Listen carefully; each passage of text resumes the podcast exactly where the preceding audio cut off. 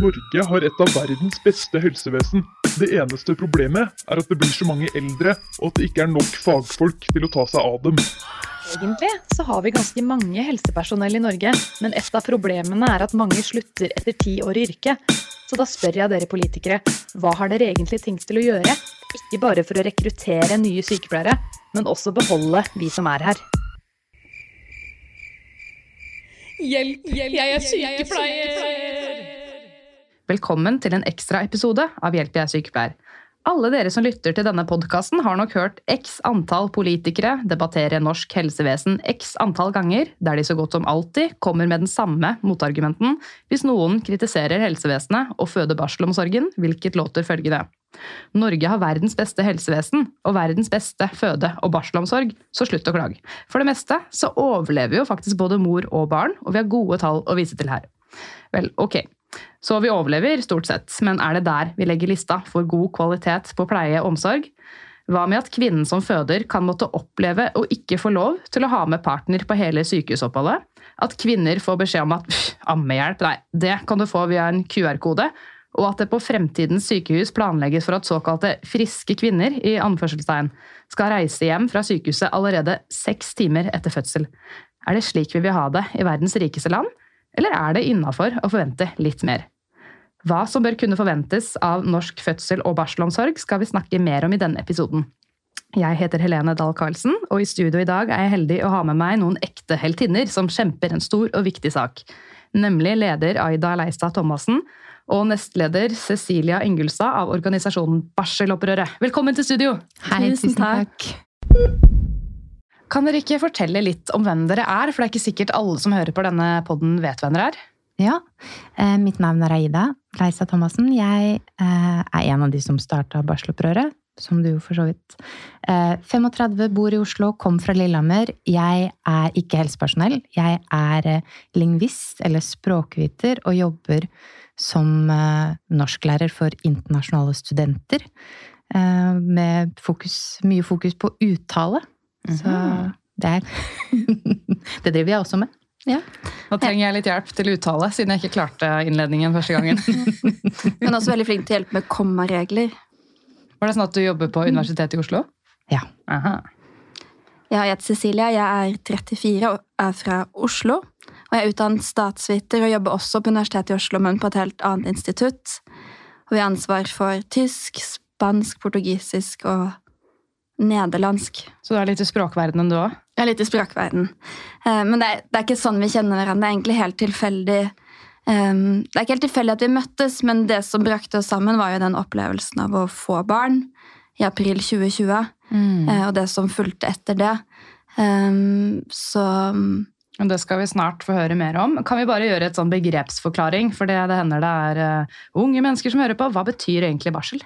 Ja, det er em, Altså, barsel eller barseltida er betegnelsen på de første seks ukene etter at en, eh, at en kvinne har født, eller 40 dager. Og det er på en måte, når du ser på verden eh, som globalt sett, så er det gjerne den samme eh, lengden på tid som, som går igjen.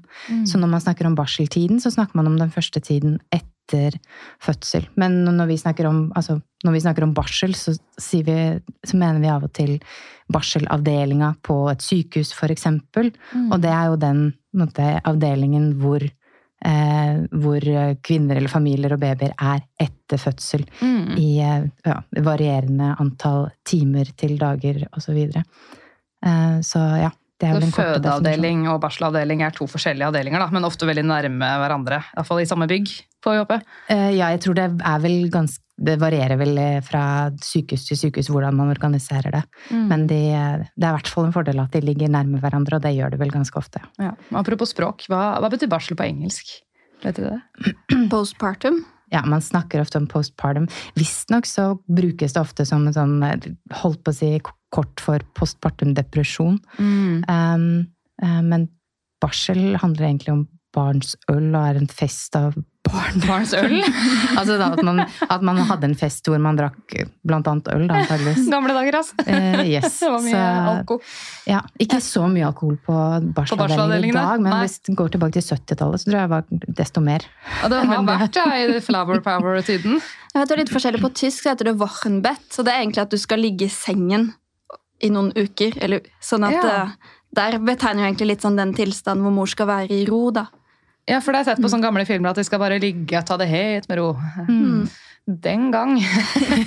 ja. Men ja, før vi går ordentlig inn på hva barselopprøret er, og hva dere jobber for, eh, så ønsker jeg gjerne å gå helt tilbake til begynnelsen, eh, nemlig når dere selv fødte for første gang. Er det en av dere som har lyst til å starte å fortelle deres historie? Fødte du før meg? Jeg, ble, dette husker jeg aldri. Jeg er Må du 14. datoen? Ja, Da kan du starte. Da starter jeg. Hvilket år og dato er vi tilbake til Eh, nå? vi er tilbake til 2020. Det er eh, corona? Eh, ja, det er en måned etter eh, første nedstenging, eh, cirka. Um, og Og så var det jo en periode fra på en korona kom. Ja. Um, for jeg er en venninne som fødte i mars 2020, hvor man fikk ha med seg partner på barsel. Mm. Og så gikk det jo litt sånn rykter. Husker jeg at, liksom at kanskje de stenger barsel for partner, så vi var jo på en måte i den liksom, kohorten si, som gikk og ventet på å få partner være med, eller få partner ikke være med. Mm. Og så kom jo den grensen liksom før vi skulle føde. Så vi er jo blant den gruppen som da kun ville ha med oss partner på fødsel dersom begge var friske. Ja. Ja. Hvilken måned var det du fødte? april. April. April, Midt i april. Riktig. Eh, så eh, Jeg fikk jo beskjed fra en venninne som hadde født noen måneder før meg. bare sånn, Har du fått med deg at, eh, at partner ikke kan være med hvis partner har symptomer, og bare kan være med på, på selve fødselen? Og det hadde jeg jo ikke fått beskjed om, men når jeg gikk inn på sykehuset sin hjemmeside, så sto jo det. Og at barseltiden var liksom redusert til, til opptil 48 timer istedenfor det som ja, mm. Før var det egentlig det som var normalt på det sykehuset, var tre døgn. Um, nei, hva kan jeg si? Uh, det begynte på- kvelden, som det ofte gjør. Uh, jeg hadde en, egentlig en ganske kjapp fødsel til å være førstegangsfødende. Da det var fem minutter mellom riene, så ringte jeg inn, slik som man jo får blir opplært til å gjøre. Mm. For, fikk beskjed om å eh, ringe tilbake når det var eh, tre minutter mellom riene. Som jeg syntes var litt rart, for det hadde jeg ikke hørt om før. Eh, når det er tre minutter mellom riene et par timer senere, så ringer, vi, så ringer jeg inn igjen, og så, eh, og så spør hun eh, eh, Ja, hvordan er det med smerte? Og jeg er Altså, det er ikke bare det at jeg ikke overdriver, jeg underdriver. Så jeg sier det er jo ikke spesielt behagelig. Eh, Og så spør hun om jeg kjenner nedpress, og det vet jeg fortsatt ikke helt hva er. Så jeg sier nei, jeg tror ikke det. Ja, det høres ut som du har to timer med arbeid foran deg hjemme. Um, ok, sa jeg. Som uh, jeg gjør som jeg for, Eller i hvert fall gjorde, som jeg ble fortalt. Ja. Um, og på et eller annet tidspunkt så uh, skjønner mannen min at uh, nå har vi egentlig ganske dårlig tid. Og kommer oss i bilen, eller ringer og får lov å komme, komme inn. Da kommer oss i bilen. Uh, og så må jeg gå inn på selve fødeavdelingen alene. Uh, men jeg får ringt uh, mannen min etter, etter veldig kort tid. og det er vel ikke gått en time før, før babyen har kommet fra jeg kommer inn på fødestua. Oi, det gikk såpass fort. Ja, det gikk såpass fort. Da hadde jeg vært noen timer hjemme. Jeg ble de overraska de på sykehuset da? Sånn, oi, kom den så fort? Ja, det vet jeg faktisk ikke. Nei. Uh, jeg er imponert, kanskje. Jeg fikk et inntrykk av at uh, hun jordmora syntes det var uh, fint at det gikk Og jeg tror jeg klarte å føde før vaktskiftet og i det hele tatt. ja. Ja. Bra jobba, liksom. Effektiv fødsel. Optimal arealutnyttelse. Optimal arealutnyttelse. Bortsett fra det var nok fullt på barselavdelingen fordi vi, vi fikk bli fem timer og ikke to på fødestua. Eh, og så måtte, så måtte mannen min dra, og så var jeg to døgn alene Mm. på sykehuset. Um, Hvordan var det? eh, det var ikke bra Nei. i det hele tatt. Da var du på barselavdelingen? Eh, jeg var både på barselavdelingen og på barselhotellet, så jeg fikk testa på en måte hele tilbudet. Mm. Um, og det var egentlig ikke så mye tilbud å snakke om. Jeg følte meg veldig i veien og fikk egentlig liksom, ordrett beskjed om at det er andre som trenger din hjelp, nei, vår hjelp mer enn deg. Mm. Ble overlatt til deg selv, mer eller mindre? Eh, absolutt. Ja. Ammeveiledning vet jeg ikke hva er, for eksempel, da. Um, eller altså, jeg har lest om det. Fikk du en QR-kode? Eh, vet du hva? Eh, Det hang en QR-kode der, men eh, mobilen min var på en måte litt gammel, så jeg hadde ikke QR-kodeleser, så den hjalp meg null. Så det, neste gang man legger opp QR-koder, så skriv inn nettadressen òg, sånn Ja. de Hvis det absolutt er det, eneste tilbudet man skal få, så er det jo greit at Ja. det fungerer. Ikke sant. Og så når du kom hjem, så var det jo ikke sant, Du kunne jo ikke ha besøk av familie, du kunne ikke Altså, eh, helsestasjonen hadde ikke noe Egentlig noe opplegg. Mm. Eh, barselgruppe var jo på en måte ikke heller Ja, så det var en eh, en ensom affære som jeg ikke vil anbefale noen å eh, ja, kopiere.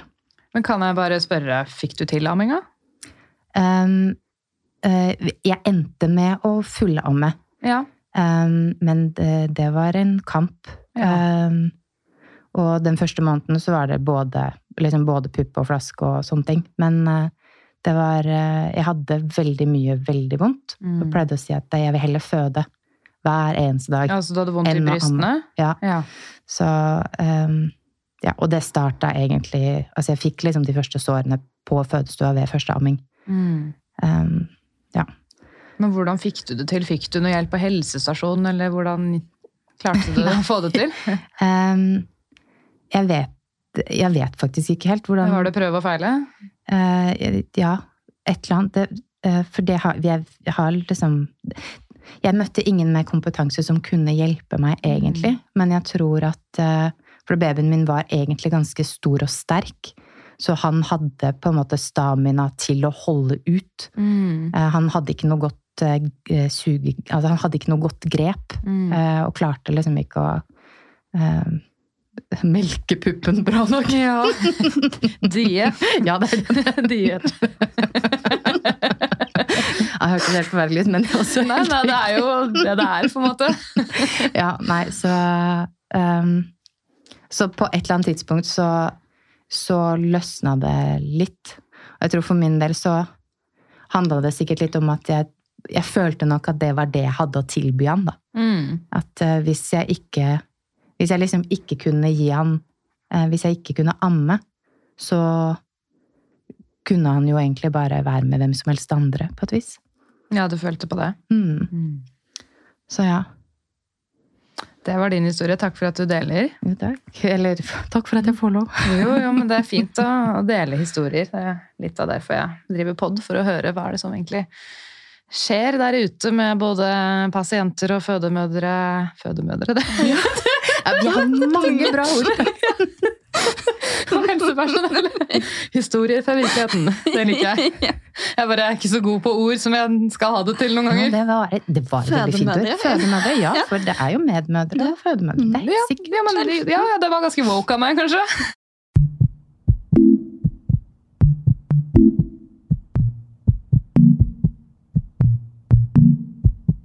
Det nye året på sånn, har de ikke Nytt på nytt sånn ukas ord eller nye Ja. Jo, jo, jo. Alt nytt på nytt. Elsker det. Mm.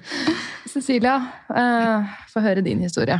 Ja, den, altså, tidsmessig så er det jo litt eh, akkurat samme måte konteksten som for Aida. Um, og jeg tror på en måte sånn i ettertid at man må liksom ikke glemme den konteksten når man på en måte prøver å tolke eller liksom formidle historien sin. Fordi nå som pandemien er over, så har vi på en måte glemt hvordan det var. Men vi var i en fase hvor man ikke visste egentlig hvor farlig det er. Um, jeg husker at Vi gikk jo nesten ikke ut og bestilte maten hjemme og tørket av hver eneste liksom, pakning. Og vasket av tilfelle vi skulle bli smittet. Med Så den smittefrykten på en måte, som var over hele landet. ja, Særlig fordi jeg tenkte at hvis, hvis noen av oss blir syke, så må jeg føde alene. Så, Mm. så på en måte den opptakten til fødselen, hvor du jo vanligvis kanskje har det siste på sånn barsel, nei, vet du, svangerskapsyoga, hvor du skal ha siste liksom, kurs med partner, og siste sammen. Alt det forsvant jo. Det fikk jo ikke jeg, eller Vi fikk ikke de kontrollene. Så handlet egentlig alt bare om å ikke bli syk. Så, øh, så mye annet kom i bakgrunnen. Eh, og det er derfor jeg tenker sånn at i, Lenge så så jeg på en måte på fødselen min som noe ganske positivt. En, fordi jeg, jeg måtte ikke være alene, så veldig lenge var det på en måte bare jeg slapp det, og da gikk alt bra. Um, og så har det gått ganske lang tid hvor jeg begynte å tenke at det var veldig mye der som ikke var bra. Det var veldig mye jeg ikke har skjønt. Um, fordi jeg skulle jo egentlig føde på ABC-enheten. Uh, og sånn sett har jeg jo delvis på en måte vært litt heldigere, fordi de ringte faktisk og sa at nå får man ikke ha med partner. Um, og da vannet gikk, så så jeg at det var misfarget. Mm. Så da skjønte jeg at jeg får ikke føde på ABC. Men de slapp oss inn via ABC, så jeg fikk jo komme inn sammen med mannen min og slapp, slapp å vente alene. Så bare det kan jo på en måte virke som en liten ting, men jeg vet at for mange bare det måtte gå inn på sykehuset mens partneren venter ute, har jo på en måte også vært et traume i seg selv. Så det slapp vi. Um, og jeg kom inn, jeg fikk fødestue med en gang, for akkurat da tror jeg det var liksom rolig. Men det som skjedde med meg, og det som veldig mange opplever, at, måte, at egentlig så startet jo fødselen, jeg fikk rier, men så syntes de ikke at det gikk fort nok. Og da var det en som satte på oksytocindrypp. Og jeg visste ikke helt jeg visste ja, Fikk du informasjon, fikk du spørsmål, skal vi gjøre dette? Nei. Nei. Og det er litt det når jeg tenker tilbake nå som jeg syns er så ubehagelig, at jeg gikk inn jo på en måte som et voksent, egentlig tenker jeg, relativt oppegående menneske, som ikke engang visste at jeg skal ha informasjon. Som ikke visste at jeg kan gi samtykke, at jeg kan stille spørsmål. Mm. Jeg var ikke klar over det, selv om det egentlig er helt grunnleggende rettigheter. Og jeg bare husker sånn helt vagt at jeg hadde en venninne som sa at hun hadde fått noe sånn drypp, og det var veldig vondt, og at hun hadde måttet vente veldig lenge på epidural. Mm. Så da de sa den tror jeg må sette på drypp, vil du ha epidural, så var det et eller annet i meg som bare sånn, huska at her er det noe, så ja, si ja til det. Um, men så virket jo ikke epiduralen bare på den ene siden. Mm. Det visste jeg ikke at uh, kunne skje. Det snakket vi om på jobben senest i dag, at det, det kan skje. Ja, Og så visste jeg heller ikke at med det oksytocindryppet at da gjør det mye mye vondere enn om det er dine egne rier. Ja. Sånn, Så så, det blir sånn påtvungne rier, på en måte? fordi hodet ikke følger med. Hvis det er din egen oksytocin, så, Ja. så på en måte Det kan kanskje du forklare bedre, men um, det er jo også på en måte Da kommer man jo i den fødebobla. Mer enn naturlig? Ja, enn Ja. hvis du får det sånn, så henger ikke kroppen med. Okay. Eh, og det visste ikke jeg. Sånn at min opplevelse av å ha rier er at det er kjempevondt, og jeg hang ikke med. Og det eneste jeg ville ha, var epidural. Mm. Og så tok det kjempelang tid, så de måtte sette den på nytt til den faktisk virket. Og da sovnet jo denne benet mitt, så da kunne ikke jeg stå. Og så måtte de skru av oksytocindryppet, for det tålte ikke babyen min. Så da har du egentlig på en måte hele fødselsoppløpet er jo liksom ute av kurs da. Mm. Uh, og da hadde jeg gitt for jeg tenkte at dette får jeg ikke til. sånn at da var jeg hele resten av fødselen bare sånn, Hvis jeg kjente noe som helst, bare sånn Jeg skal makse den dosen. Uh, og da kom jo han til slutt med vakuum, for selvfølgelig får du jo ikke noe fremdrift i fødselen hvis du ligger rett ut på ryggen hele tiden. Så jeg føler egentlig som at jeg kom, la meg ned, eh, og så kom han ut 24 timer senere. 24 timer, ja. Mm. Så, men liksom der og da så var jo hun jordmoren som kom på den siste vakten som tok han imot, hun var jeg kjempefornøyd med. Og det var jo ikke hun som satte på det dryppet eller hadde egentlig noe ansvar for at det ble sånn. Um, så det er på en måte både og. Henne har jeg, jeg er veldig glad for at det var hun som var der på en måte i den viktigste biten. Utdrivelsesfasen, er det det det heter? Har- jeg har ikke drevet ut noe, de har sugd han ut. Ja, ja. men... eh, Utsugningsfasen. så, så det er litt sånn for meg sånn, ok, Hvis jeg skal føde igjen, så vet jeg faktisk ikke hvordan, jeg vet ikke hvordan det er. For jeg har, jeg har ikke gjort det. Um, sånn at når jeg tenker tilbake Du har jo født, da. Du har bare fått litt drahjelp. ja, har, ja, det er jo samme som man, Men jeg har ikke vært gjennom de fasene. Mm. Og det tok meg, Jeg visste heller ikke at det var oksytocinet som gjorde at det var så vondt. Og dette er ting jeg har funnet ut i etterkant. Så jeg tenker at den følelsen jeg har gått med veldig lenge, at jeg tåler ikke rier, jeg klarer ikke å føde, den hadde jeg kanskje ikke trengt å ha. Og det er ikke sikkert jeg hadde trengt det oksytocindryppet. Det tror jeg faktisk ikke.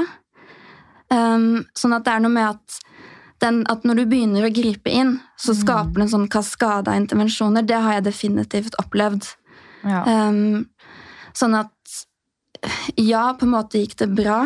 Mm. Sønnen min var frisk, og vi fikk være sammen.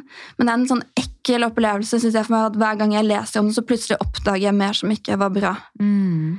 Så det her var selve fødselsforløpet, da. Men hvordan var eh, barseltiden? Både på sykehuset og når du kom hjem? Ja, altså Jeg føler at jeg er veldig dårlig på å være gravid, siden jeg hadde sånn ekstrem svangerskapskvalme og kastet opp liksom døgnet rundt. Men jeg er ekstremt flink tydeligvis til å amme. Fikk du ammeveiledning på sykehuset? Jeg fikk beskjed om å se svenske ammevideoer. Ja. Det føltes liksom ekstremt surrealistisk.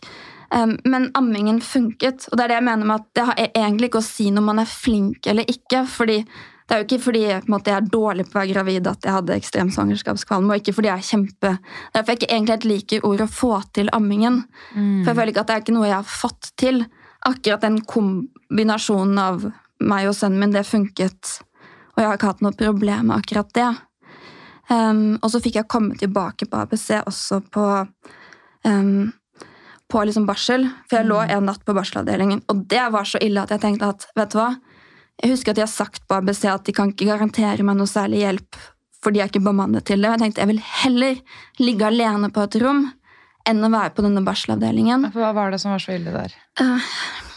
Både at det var ekstremt mye lyd fra hun som lå i sengen ved siden av. Ja, for da deler man rom med andre. Ja, så Ja, Hvor en, mange mødre er det på ett rom? Vi var bare to, men det er jo en grunn også til at man, da man gikk over Fordi alle de damene der ute som sier sånn Ja, men vi var fire på et rom, og det var så hyggelig. De glemmer at de ikke hadde babyen inne hos seg hele tiden.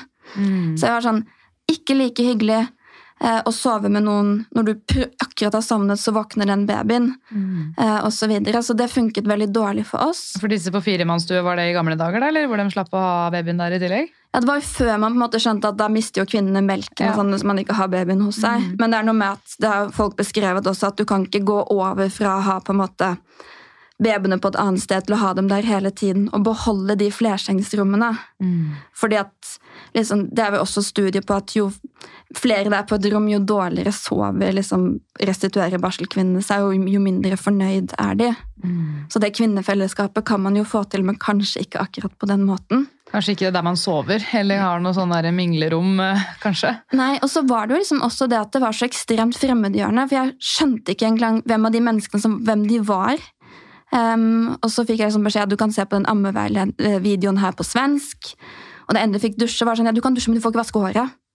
For det har vi ikke tid til. Du kan besvime. Altså, det var liksom, altså alle sånne ting da, som jeg tenkte at bare at her vil jeg ikke være. Um, og så fikk jeg flytte over på ABC. Uh, og jeg har jo ikke hatt noen god opplevelse, men likevel sammenlignet med andre så har de passet barnet mitt. De hentet mat til meg. Jeg fikk noe ammeveiledning. Um, sånn at det sier jo ganske mye. At når det gjør at jeg har hatt en mye bedre opplevelse enn andre på det vanlige barselhotellet. At eh, da ligger Og så husker jeg også sånn at de skifter jo ikke sengetøy. At det var et annet tidspunkt jeg tenkte at nå må jeg ha nytt sengetøy. Og det var sånn, ja, vaskehjelpen eller noen kom med den vasketrallen klokken ett. Så husker jeg sånn, satt der bare sånn, ok, klokken ett. Må jeg skynde meg ut og løpe etter så jeg skal få et nytt laken? Altså sånn, bare tenk på det. Ja. Um, ja. Bare ett begrep til vi må avklare for lytterne. og Det er ABC. ABC-enheten, hva er det, for de som ikke vet? Sånn, Eh, Hva kort. det var. Ja, ja, hva det var. Mm. Jeg tenker, det, det er flere ting, egentlig. Altså, på Ullevål, der hvor vi fødte begge to, så har man barselavdeling. Det er for de som måtte ha komplikasjoner etter fødsel. Mm. hvor man har mer tilsyn. Og så har de et barselhotell som ligger i et annet bygg, hvor man flytter over de som er friske. Mm, I anførselstegn. Ja. Ja, Mm. eh, Hvor man har veldig veldig lav bemanning. em, minimumsbemanning, fordi de er bygget for å redusere kostnadene for sykehus. Og det gjør man ved å redusere bemanningen. Men da er man enerom, ikke sant? Det er man enerom. Ja. men du, Og kan ha partner. du kan ha partner til vanlig. Ja.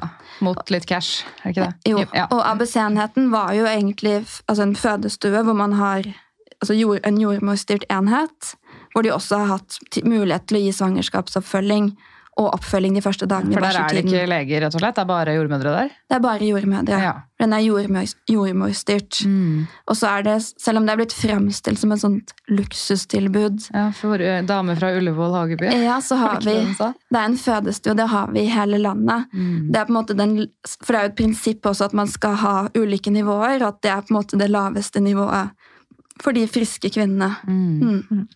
Og der er det sånn det man kaller for naturlige eller fysiologiske fødsler, hvor det ikke er noe keisersnitt, ikke noe sugekopp, sånne hjelpemidler. Mm. Bare all natural.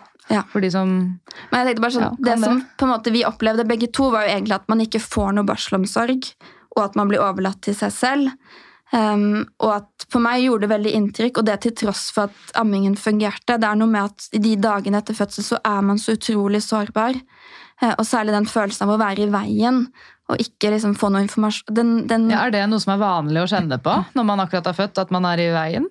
eh, ja. Ja, det virker Mm. veldig sånn. Mye av det vi vi, har jo, vi får jo mange historier. Mm. og jo med, har jo snakka med mange, og det er virkelig noe som går igjen. At damer sier at de følte at de var til bry. Mm. Eh, og det er noe med å være til bry under din egen fødsel.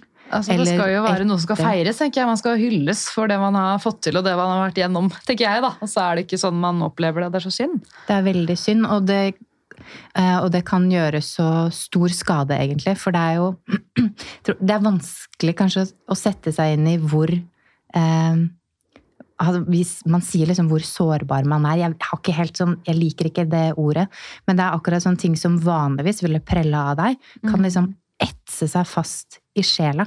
Så en, en litt sånn derre skeiv kommentar kan virkelig liksom være kjempesårende i akkurat den fasen. Det er jo ikke rart, da. For det første, man er proppa full av hormoner. Man har kanskje ikke sovet noe særlig. Man har vært gjennom smerter. Og det er jo en jobb. altså Det er en grunn til at de sier 'going into labor'. Det er jo et arbeid man gjør. Og det er egentlig litt synd også, fordi man er jo en sånn sårbar, eller jeg føler litt sånn hudløs tilstand. Det er meningen fordi man skal kunne knytte seg til barna. Så det er egentlig på en måte synd at man ikke hegner om noe som jo egentlig er en styrke. Det er kjempebra at man er så hudløs og tar til seg alt. For hvis ikke så ville du ikke på en måte kanskje tatt til deg de signalene fra babyen din. Så er det på en måte vi som har lagd et system rundt som ikke legger til rette for det og på en måte beskytter deg. Som egentlig er en kjempefin ting. For mange så er dette det største som kan skje i løpet av hele livet. Altså Man er jo på en måte født for å føde, vi kvinner, sånn fra naturens side. Og, og så blir det liksom ikke så stas som man kanskje hadde håpa på. Da. Mange har kanskje gleda seg siden man var barn selv til å få barn. Mm. Jeg tenkte sånn, Uansett på en måte om man har gledet seg eller ikke. seg. Ja. at For jeg husker pappa fortalte at da han var, jeg husker ikke hvorfor han var på sykehuset, sånn at liksom den koseligste avdelingen var barselavdelingen. Hvor, liksom, hvor det var ro, og det var tid. Stell og kos og Ja, babykos. liksom. sånn- Ja. Det virker nesten som et annet univers. Ja. Jeg tror de som eh, si, Våre foreldre og, og, og eldre har en, sånn, eh, har en sånn erfaring med barsel, og den stemmer ikke overens med det vi mange av oss erfarer i dag, da. Min mor har ikke bare koselig opplevelse. Ikke min mormor heller. Jeg har fått noen historier. Gud av meg. Nesten så jeg skulle hatt dem her i studio. Ja, Det var Kunne man- virkelig også både og før. Ja. Mm. Men ja, da har vi fått høre litt hva dere har vært igjennom. Eh, Men hvordan gikk det da videre til at barselopprøret blei til? Når starta den første steinen å rulle, på en måte? Altså, eh, vi satt åpenbart på hver vår tue og hadde et behov for å si noe, og Ja. si ifra. Eh, Så vi skrev jo hver vår, eh, hvert vårt debattinnlegg. Ja. Um, om Sinna-innlegg? Eh, nei, veldig sindig, vil jeg påstå. Um, om det her. Altså, jeg konkluderte med at man må forske på oss som født under pandemien og sånn, men de ble publisert på omtrent samme tidspunkt. Um, I to forskjellige aviser. Og Cecilia leste jo den som jeg hadde skrevet, og eh, gikk og tenkte på det i tre måneder. Hvor, hvor ble det publisert? Min eh, ble publisert i eh, Dagsavisen. Og hvis, altså hvis dere er interessert i å liksom gå tilbake til starten og lese de, så går det an å gå inn på nettsiden vår barselopprøret.no og klikke seg inn på den der i media-fanen og scrolle helt ned. Jeg skal linke til det i episodebeskrivelsen. Ja, så Um, du skrev innlegg, og det gjorde så- du òg. Jeg skrev innlegg, og så føler jeg egentlig at jeg la den på deg. På Hey, girl! Messenger. Fordi um, jeg, jeg brukte ekstremt mye energi for å skrive det innlegget, fordi jeg hadde aldri gjort det før, og du har barn. Og, og jeg følte også på den tiden at det var veldig sånn Fortjener vi egentlig mer? Um, hva slags barselomsorg skal man få? Um, fordi du blir jo møtt på en måte av systemet som sier at dette er helt normalt. Mm. og så så jeg um, innlegget til Aida og tenkte at endelig er det noen som på en måte har satt ord på det som skjedde under pandemien, på en måte som jeg kan kjenne meg igjen i. Mm, Da var du ikke så alene, på en måte, når du leste Nei. det. Mm. Eh, og, så er det jo noen ganger vet, når du føler ting, og så klarer man jo ikke å finne ordene, så er det så deilig når noen på en måte, gjør det. Så Mm. egentlig så opplevde jeg litt det at endelig er noen som klarer å sette ord på denne rare følelsen. Ja, Var det litt godt? Kjempegodt. Um, og så ja, så er det ikke så ofte at man liksom tar kontakt med folk som har skrevet noe, så jeg brukte ganske lang tid på å bestemme. Jeg gjør det hele tiden under gjorde podden, men ja. jeg gjorde det ikke så ofte før podden. Men, um, og så ble vi enige om å møtes, og da var det vel i desember, tror jeg. Mm, Det var i hvert fall snø og, Og kaldt. Og, så, så vi gikk en tur ute. Mm. Og da Ja, for også- man kunne jo ikke møtes inne. Sant? Det var jo på denne tiden. Ja, det, det var da, ja. Og det var skikkelig kaldt ute, husker jeg. Eh, og så hadde jeg fått beskjed i mellomtiden på helsestasjonen at jeg ikke måtte være så sint. Så jeg, var, høre det. Okay, så så jeg var veldig bekymret for at Aida skulle tenke at jeg var var sint. sint? ja, at jeg var sånn som ikke klarte liksom å legge ting bak meg. Så, så jeg tenkte sånn Fordi jeg spurte sånn Vil du gjøre noe mer? På slutten av den samtalen. var sånn Å nei! Men jeg bare tenker sånn, det var kanskje en grunn til at du var sint. da. Kanskje de heller burde spurt om det og tatt det til seg, de der eh, Ja, ja. helsestasjonfolka. Men Men jeg bare forklarer liksom den der litt sånn veldig rare sånn, stemningen og sinnstilstanden vi var i da. Ja. Mm. Ja, det var Um. noe, det var noe litt annet. Men jeg elsker jo sinne, som egentlig. Det er Det kjempebra kommer bensin. mye, mye godt ut av sinne. Ja, det gjør det. Ja. Um, Så bestemte vi oss for å gjøre noe mer. Mm. Og så vokste det liksom til å bli barselopprøret. Ja, det gjorde det. Det Sånn bare gradvis. ble sånn. Mm. Vi snakka vel om å skrive et brev, kanskje noen flere skal signere på det samme. Det har vi jo gjort, men eh, andre typer. Så det, Mm. ja, det Mm. vokste litt sånn organisk. Eh, og jeg tror på, på et eller annet tidspunkt så var det eh, eh, Anja Solvik i Bunadsgeriljaen som på en måte så oss på et eller annet tidspunkt. Jeg, tror de la ut et eller annet på sosiale Jeg vet medier. For dere lagde en egen Instagram før dere ble en organisasjon? Ja, var det sånn? og før det tror jeg vi begynte med de der ti kravene. At vi tenkte bare sånn, å, vi kan ikke bare liksom være imot noe, vi må si hva vi vil. Mm, ha noe konkret å komme med, liksom? Ja.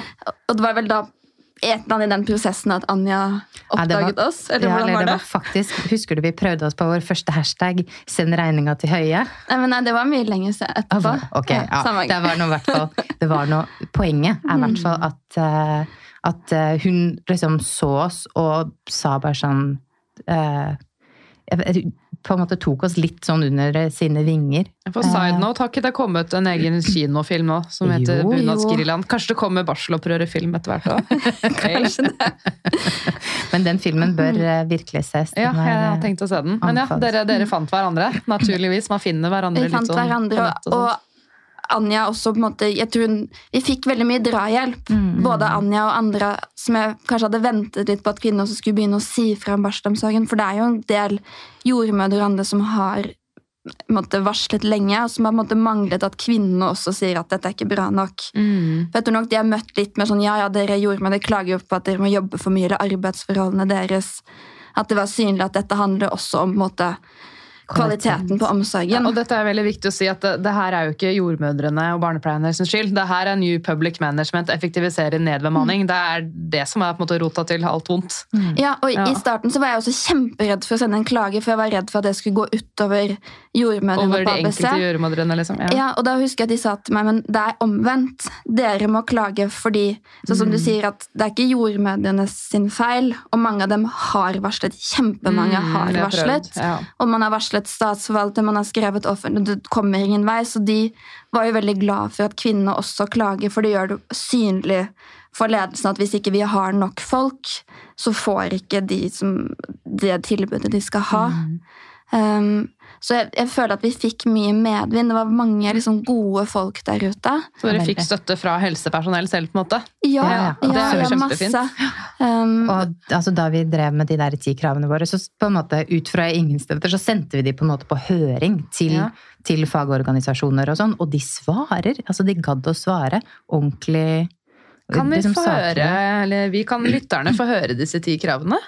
Ja. Jeg har ikke skrevet inn den, men dere kan, dere, dere kan det kanskje i hodet? Ja. Ja. Skal vi ta det i kor? siden men snart- klokka fyker sånn, så vi kjøre videre på Nei, fordi eh, det er de, tre overordnet Ja. de tre overordna som handler om på en måte systemet, er at det må Mm. være nok folk, det må være nok uh, penger, og det må være nok plass. Ja.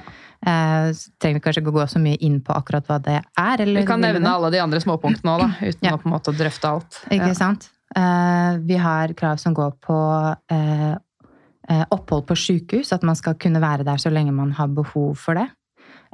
Ammeveiledning. Mm. Ikke QR-kode, bare? Ikke bare Nei. QR, nei, kvalifisert Mm. ammeveiledning av noen som, eh, noen som kan det. Eh, hjemmebesøk av jordmor, det har man egentlig rett på etter fødsel. Er ikke det bare sånn 50 for det, eller noe? Ja, nå har vi Ja. bikka 50, Oi, oi, eh, oi. faktisk. Eh, så det varierer litt, men eh, Det var en ironisk oi, oi, oi for de som eh, hørte. Det er veldig lite.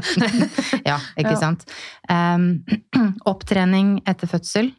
Eh, en- Med fysioterapeut? Med Ja, sånn type fysioterapeut. bekkenbunnstrening. Ja, eller hva man og- måtte Ja. trenge, om det er bekkenleddene, altså ja. Ja. Um, uh, um, Samtale om fødsel? Samtale etter fødsel, ja. Med mm. noen som var til stede under fødselen, sånn at man får muligheten til å Mm. uh, vite egentlig litt hva som skjedde, for det er mange som ikke som jo egentlig går rundt og lurer på hva var det egentlig som skjedde, hvor farlig var det, Ja, man tar en slags debrief, på en Ja. måte. Ja. Også egentlig når man har krav på ifølge Mm. retningslinjene. Um, Sexuction-kontrollen, uh, eller etterkontroll. Mm. Og så hadde vi Det siste kravet handla om at man skal ha lovfesta rett til å ha med seg partner. Um, Eller en annen støtteperson? eller en annen støtteperson Har som man man, selv det? velger. Jo, man har jo egentlig det, Ja. i, ifølge Pass. pasient- og brukerrettighetsloven. Mm. Men vi opplevde jo at, uh, at det på en måte ikke ble fulgt, da. Seksukerskontroll, er det hos fastlege eller er det på helsestasjon? Det varierer. Ja. Man skal Men det er i kommunehelsetjenesten? Ja. ja. Man er skal vel egentlig kunne velge om man vil ha det hos jordmor eller hos fastlegen. Mm. Ikke sant? Um, og et av punktene, For man blir jo ikke kalt inn automatisk. Men man bestiller selv. Ja, Mm. Ja. og Da er det mange som ikke helt kanskje har fått det med seg eller glemmer det. Mm. Og så ønsker vi egentlig at det settes av dobbelttime, for man skal innom så veldig mange ting. Og man skal jo egentlig ha dobbelttime på første svangerskapskontroll. Mm. Så det er også noe med at, liksom, at det kanskje ikke anses egentlig som viktig nok til å sette av nok tid til det. Mm. Mm. Ja, for jeg har skjønt at ofte så blir det bare sånn Ja, hva slags prevensjon skal du ha nå? Ja. Eller en liten titt opp i, opp i amor, som jeg pleier å si. ja. Men skal man undersøkes i underlivet på de seksukerskontrollene? Hva er det, som står på den i retningslinjene? eh, Vet du hva, eh, la meg bare si, det må du få lov å bestemme selv. Ja. um, uh, hva som står, det husker jeg ikke om det står spesifikt. Mm. Um, men det har jo vært mange som har etterspurt en slags sånn bekkensjekk. Mm. Uh, men det handler jo mer om på en måte muskulatur og funksjonalitet og, og, og smerter og den slags. Som på en måte ikke helt blir det samme som seks ukers kontroll, men som kun burde vært jeg vet ikke om en del av eller noe som kommer senere. Ja, og så er det jo noen ting som, som egentlig bare en fysioterapeut som har kompetanse i kvinnehelse, kan sjekke, som ikke egentlig en vanlig fastlege nødvendigvis kan. Mm. Men, men at seksukerskontrollen ikke bare skal være hva slags prevensjon vil du ha.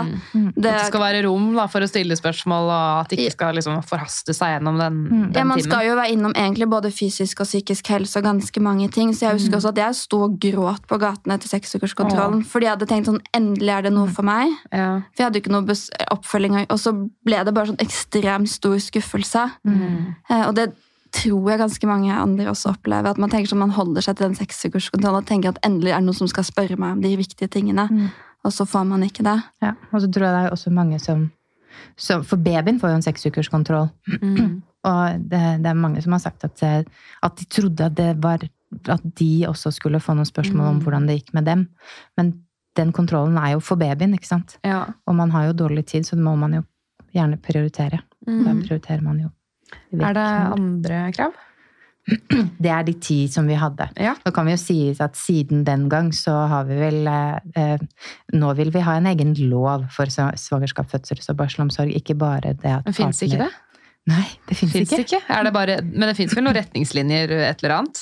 Altså, det er liksom ja, retningslinjer, men de er ikke liksom Eller er det bare pasient- og brukerrettighetsloven som de Ja. lener seg på? Yep. Mm. Det, Det finnes på en måte bare generelle bestemmelser som gjelder for alle pasienter. Mm. Men ikke noe som går på en måte spesifikt for svangerskap, fødsel og barselomsorgen. Mm. Og det vi jo har erfart, at ja, det finnes retningslinjer, men de blir ikke fulgt.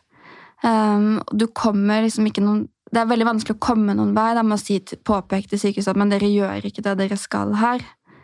Så det er derfor også vi tenker at vi må Hvor ha ting står de retningslinjene, hvis noen vil lese det? De ligger ute på Helsedirektoratet sine sider. Altså Ja. Det er Helsedirektoratet som lager retningslinjer på felt hvis det er for stor variasjon i tilbudet. da, Mm. for, å, for at De skal si, de er jo rettet mot helsepersonell, så de er ikke juridisk bindende for brukerne. Så du får på en måte ikke noen individuelle rettigheter Nei. av en sånn retningslinje, men det sier noe til sykehuset at hvis dere gjør det og det og det, og det, så Mm. gir dere en barselomsorg da, som er faglig forsvarlig. Ja, men det er da som sagt retningslinjer. Det, det kan man ikke finne på Lovdata. Nei. Nei, Nei. ikke sant. Nei, men vi har, det fins en containerlov og en beitelov, så det, på en måte, det fins liksom, lover som er mer spesifikke enn dette Ja. er. Så nok en ting. Altså, Mm. Vi forventer ikke så mye. For det er mange andre ting som er alt som har med svangerskap og sånn, eller kvinners yrkesdeltakelse da, i forbindelse med svangerskap eller barseltid og sånn, der er det jo en del rettigheter som for å sikre liksom, vern mot diskriminering. Mm. Men vi har på en måte ikke noe som sikrer rettighetene våre liksom, i det å føde og barseltid. At det er akkurat som det ikke har vært viktig nok. da. Mm. Riktig. Men dere har snakket med mange kvinner og par, går jeg ut ifra. Hva er det som på en måte går igjen, som mange forteller om? Altså Det er Vi hører jo mye om ting som ikke fungerer, eller, eller opplevelser som har vært vonde. eh, hvor folk sitter igjen med at de føler at de har vært til bry. Eller eh, det er en del som også er helt tydelige på at de har blitt utsatt for, for overgrep i forbindelse med, med fødsel. eh, eller- Fra helsepersonell? Eller? Ja, dessverre. Mm. Et, eh, ja, som noe, et, noe som man kan definere som obstetrisk vold. Eh, så vi hører mye om, om på en måte traumatiske og traumatiserende hendelser. Mm. Um, ja, vi er vel et kanal hvor kan åpne Eller ja, et sted hvor folk kan eh, lufte Ventilere. litt, Ja. Ja. Og så har vi jo delt, når vi får samtykke til det, historier. Mm. Jeg tenker det har også vært Jeg tror det er viktig også, fordi det er noe med på en måte Jeg tror folk nå også mer og mer skjønner at det er ikke meg, dette handler om et system som ikke fungerer. Men at bare det var det vel en som skrev også at for hver historie jeg leser, så føler jeg meg mindre alene. At, at det å dele de historiene det har en veldig viktig funksjon. Og jeg vet også at det er mange som leser dem. Det hender også at journalister tar kontakt, enten fordi de vil gjengi noen historier, eller fordi de vil ha kontakt med kvinnen som er bak. Um, så, så det er på en måte Det er ikke bare for å liksom ventilere. Jeg tenker det har en, De historiene er kjempeviktige også. Ja. Mm. Og, og tenker sånn uh Det som er så fint med historiene, og at det også er et større mangfold enn det jeg ga uttrykk for nå, er at det, det viser jo på en måte eh, em, hvordan systemet fungerer, og hvordan det ikke fungerer. At man får jo et slags eh, bilde av hvor, altså hvor er det skoen trykker, hvor er det man kan eh, gå inn for å, for å gjøre ting bedre. Mm. Hva er det som funker, hva er det som ikke funker? Altså, Mm. Um, og det er mange som, som forteller om liksom, den ene som virkelig så dem, hørte på dem. ikke sant? Så det er jo den derre bli sett, eh, hørt, respektert Mm. som går igjen som på en måte det positive. Og, og at når når det ikke skjer, så kan det Mm, det virker jo sånn det her på en måte koker ned til at det handler om da manglende finansiering, ergo underbemanning, og så er det jo kvinnehelse, da, som vi vet dessverre ikke blir sånn kjempeprioritert. Og da føler folk seg at de er til bry, det blir ikke tid til på en måte de tingene som ikke er livsnødvendige, men som er kjempeviktig på sikt, sånn som ammeveiledning og stell av baby og bekkenbunnstrening og jeg bare tenker sånn In the long run da, så er jo det en jævlig dårlig investering fra sykehuset sin side. Vil de ikke ha friske borgere? Hvis de vil ha friske borgere og alle skal ut i arbeid og ikke bli uføre, så bør de jo investere i ordentlig barselomsorg så det blir friske, Men sunne barn så godt vi kan. Det som har skjedd nå, er at vi har jo et system hvor man på en måte har stykket opp ting, og man har lagd en sånn slags liksom-økonomi. sånn at for sykehuset er det jo ikke noe på en måte, De skal se på sitt budsjett, så hva som skjer med deg når du kommer ut, er jo ikke helseforetakets ansvar. Så jeg tenker at Problemet vårt nå er at vi har lagd et system som er veldig behagelig for politikerne. fordi hvorfor behold, jeg tenker, jeg tenker mange ganger som, hvorfor beholder vi dette systemet, selv om kjempemange hel, eh, liksom helsepersonell varsler også om at dette ikke fungerer. Det er jo fordi Før så hadde politikerne ansvar for sykehusene, og politikerne står til direkte da, til ansvar for folk når det er valg. Og nå kan politikerne si at sånn, ja, men dette er helseforetakenes ansvar. De styres av styrer som ikke Helseforetakslederne. Ja, Men det er jo ofte helsepersonell. Er det ikke det? Bør ikke de liksom vite hva som Men- er bra? de forhold, de er jo, nå skal jo det, er jo liksom foretaksloven. De skal liksom gå i null da, i sine budsjetter. Så vi har lagd et system hvor politikerne ikke trenger å ta ansvar på den direkte måten. Eh, og det tror jeg jeg tror de beholder det fordi de kan dytte ansvaret over noen, til noen andre. Den eneste en måte, forklaringen jeg finner til meg selv. Mm. fordi helseministeren og, og mange av de som sitter med makten, sier sånn ja, men dette er ikke politikernes ansvar, dette er helseforetakenes ansvar. Um, Vi må stole på det. Men, ja, men jeg er helt enig, det, jo, det gir jo ikke mening. Nei.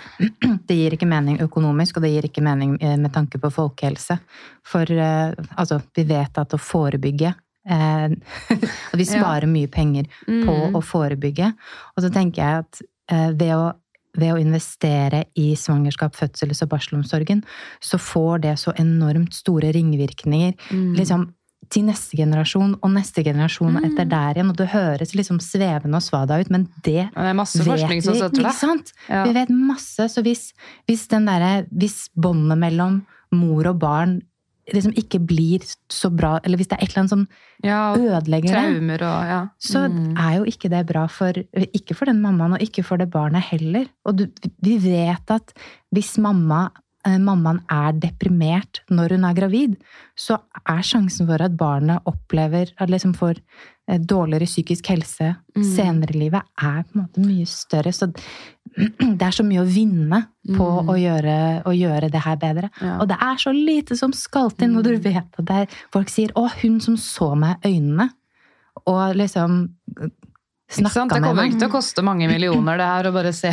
folk litt ta seg litt tid. Det handler om omsorg, men, men det verdsettes ikke i Det jeg tror det Omsorg trenger en egen prislapp, jeg, faktisk, for at det skal bli liksom Ja, det kan, noe med, kan godt hende. Og så Ja, er det liksom vanskelig. Det kan hende at omsorg på en måte forvitrer på en eller annen eller blir, Ja. hvis man setter en prislapp på det. Jeg vet det. Fordi det er ikke så konkret hva er omsorg. Man Nei. vet liksom at et keisersnitt er et keisersnitt. Det er så og så mye utstyr, det er så og så mange folk på stuen, men Mm. hva er egentlig omsorg? Koker det ned til, og det kan det på en måte ikke defineres helt, da. Men jeg tror på en måte likevel at det er noe med at vi, vi har jo forskningen. Vi har altså, klinisk erfaring, eller på en måte hva helsepersonell sier. Kvinnen har jo sagt fra. Og likevel så er jo helseministeren vi har i dag, går ut og sier at fødselsomsorgen er god. Så det er noe med at de som faktisk har makt til å gjøre noe med det, istedenfor å si at vi hører dere, la oss prøve å gjøre noe med det, har jo bare egentlig Jeg opplever det smelt dørene igjen til å ha sagt at vi, det dere forteller, er ikke sant. Og hvordan skal vi få til endringer da? Det er det jeg lurer på. Mm.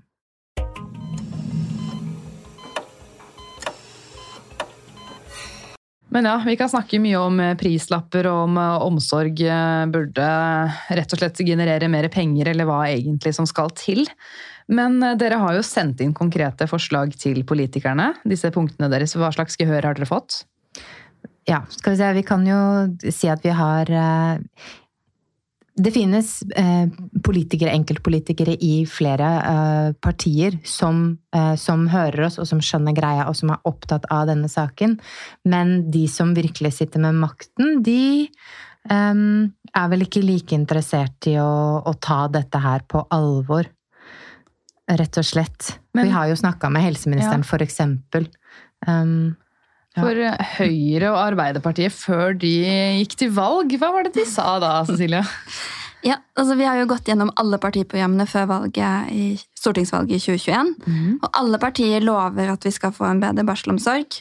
Eh, Og de aller fleste politikere, hvis du hører dem, så mener de jo at de er best til å gjøre noe. At de selv som politikere skal Ja. fikse dette problemet? Eller at deres Ja. parti har den beste politikken. Men når det kommer til svangerskap, fødsel og barselomsorgen, så er politikerne plutselig veldig opptatt av å si at nei, dette kan ikke vi gjøre noe med. Altså etter at valget var ferdig, da? da valget var ferdig. ja, ikke sant? Da kommer de med det. Og det gjelder både måte, Høyre og Arbeiderpartiet, som er de store styringspartiene. Hvor helseministeren jo før valget var veldig opptatt av å måtte endre dette her. Og nå sier at nei, dette er helseforetakenes ansvar. Det er ikke noe jeg kan gjøre. Eh, og det samme sier jo Høyre også. Eh, en fra Høyre som leder helse- og omsorgskomiteen på Stortinget, sa jo til og med at hun mente det ville være direkte farlig Det synes jeg, Hvis Stortinget tok ansvaret for svangerskaps-, fødsels- og Var det Sandra Bruflot? Nei, det er Tone Trøen. Tone Trøen, ja. Hun der eh, kvinnehelse... Ja, så jeg, jeg tenker sånn Du kan ikke gå på valg og love noe, og så etterpå si at nei, dette får jeg ikke gjort noe med. Nei. For det er ikke vårt ansvar. ansvar. Og så tenker jeg også at det er jo det er dere politikerne som har laget helseforetakene. Den måten vi organiserer ting på i Norge i dag, det er ikke den eneste modellen. Det er ikke en naturlov. Den er skapt, og den kan også endres. Så det er noe med at Jeg tror det er den siste skranken, da, fordi jeg opplever sånn som Aida sier, at vi har fått mye gehør. Det er mange som har protestert. Vi har presset politikerne, vi har tvunget dem til å svare. Og så kommer vi til et punkt hvor egentlig altså Forskningen viser at det vi gjør, ikke er det beste. He jordmødrene, barnepleierne, alle, alle varsler om at dette ikke er bra nok, og kvinnene sier fra. Så hva skal politikerne svare da? Det eneste de på en måte kan gjøre nå, er å skyve ansvaret over på, på noen andre. Mm. Så jeg tenker liksom til alle der ute, ikke, la, ikke kjøp den retorikken. Det er noe med at vi må hele tiden si at men det er deres ansvar, og vi forventer at dere tar det ansvaret. Sånn Ja. spørsmål. Tone Trøen er ikke hun egentlig sykepleier? Det vet jeg ikke. Jeg vet ikke. Jeg tror det. I så fall I'm ashamed eh, av den kommentaren hennes at det ikke er deres ansvar. Ja, for jeg var sånn, sånn, sånn kan vi ikke Vi er et, vi er et demokrati. Mm. Det er deres ansvar å sørge for befolkningen. Mm. Um, Og helsepolitikken burde også være under demokratisk styring. styring. Ja. Ja. Jeg bare tenker, Må det være sånn at det enten er helseforetakene som bestemmer alt, eller bare politikerne? Går det ikke an at de samarbeider litt? Det prøvde jeg å spørre om på Debatten, altså bak kamera.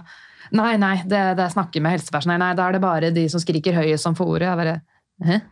Nei. Nei, det er jo ikke sånn. Vi har ledere, vi har tillitsvalgte, dere kan snakke med det. Ikke også, de som skriker høyest. Og så er det jo eksempel Aftenposten, som gikk ut på lederplass også og sa at um, politikerne burde ikke engasjere seg fordi det er helseforetakene de ser liksom helheten i tilbudet. Så jeg bare sånn, det stemmer heller ikke. Helseforetaket har akkurat ansvar for sin lille bit. Mm. Men de ser jo ikke på en måte fordelen av å forebygge ting og jobbe langsiktig. For når du er ute derfra, så har du jo kommunens ansvar. Så jeg tenker at vi har lagd oss et system hvor på en måte forebygging ikke synes eller ikke lønnes, for alle er bare opptatt av sin lille bit. Mm. Eh, Og det må vi endre, for det er fødsel, svangerskap, fødsel og barselomsorgen henger jo sammen. Så jeg tenker sånn, Selv om du har hatt masse bemanning, alt mulig, så tror jeg ikke det ville blitt ordentlig bra til vi har et system på en måte hvor man ser helheten, da, og kvinnen følges av de samme menneskene hele veien. Og det er noe man må gjøre noe med politisk. Sånn at um, um, vi, har, jeg tenker at vi, har, vi har blitt hørt ganske mye. Jeg skal ikke på en måte jeg føler at vi har kommet et langt stykke, men det er veldig veldig langt igjen. Og mye lenger kanskje enn det jeg trodde da vi startet. Mm. Men når politikerne da sier før et valg at det her eh, skal vi gjøre dette, dette lover vi, dette skal vi fikse, og så blir det valg, og så sier de nei, dette kan ikke vi sette fingeren i, blir ikke det da per definisjon løgn? Er det, er det lov å påstå vi har demokrati? Det er lov å påstå det, eller? Jeg mener jo at det er jo å føre velgerne bak lyset. Ja. Og det er jo en type Hvis du først sier at dette kan vi gjøre noe med, ja. og så kommer valget, og så sitter du i posisjon, og så sier du nei, dette er faktisk ikke mitt ansvar, jeg kan ikke gjøre noe med dette. Det blir litt feil. Ja. Ja. Da tenker jeg på en måte at enten ved neste valg da, enten så må du la være å love med noe på det. Mm. Eller, altså, for Du kan ikke gjøre begge deler, si at dette skal jeg gjøre noe med, og etterpå ikke gjøre det. Mm. Det er å føre velgerne bak lyset. Og det tenker jeg også, det undergraver demokratiet. Og det undergraver velgernes tillit til institusjonene våre. Yeah, yeah, you gotta walk the talk, er det noe som heter. Altså, yeah. Det er det rart det blir politikerforakt. Ikke sant? Og jeg, jeg, er statsviter. Jeg er liksom opplært til å hegne om at liksom, demokrati er det beste systemet. Alt blir litt sånn derre Hva er dette her for noe? Og da kan jeg godt skjønne at folk som kanskje er mindre liksom i utgangspunktet har tillit til systemet, kan tenke at men dette her tror jeg ikke noe på lenger. Mm. Hvordan skal jeg stole på disse menneskene når de lover noe og så sier at ikke de kan gjøre noe med det? Det er jo litt derfor mange velger å bare ikke stemme. bare nei, det der gidder jeg ikke. Og det er veldig synd. At man mister da veldig mange gode stemmesedler. Ja, absolutt. Så jeg tenker at dette, dette mener jeg er en fare for demokratiet vårt. Og dette handler om mer enn bare svangerskap, fødsels- og barselomsorgen.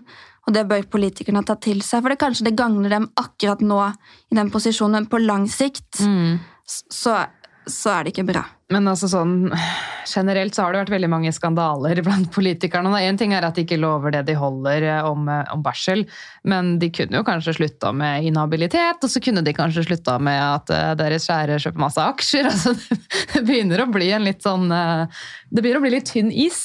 Jeg tenker Det er jo viktig å huske man, hvem er det man egentlig Da tenker jeg både helseforetakene og politikere. Man tenker hvem er det jeg er her for? Um, og for politikere så er du jo her, du er valgt, du er folkevalgt. Ja. Det er dem du skal stå til ansvar for. Og det samme sånn med helseforetakene, som jeg liksom har sett igjen og igjen. Aldri egentlig kan, liksom, Når noe har gått ordentlig galt, Mm.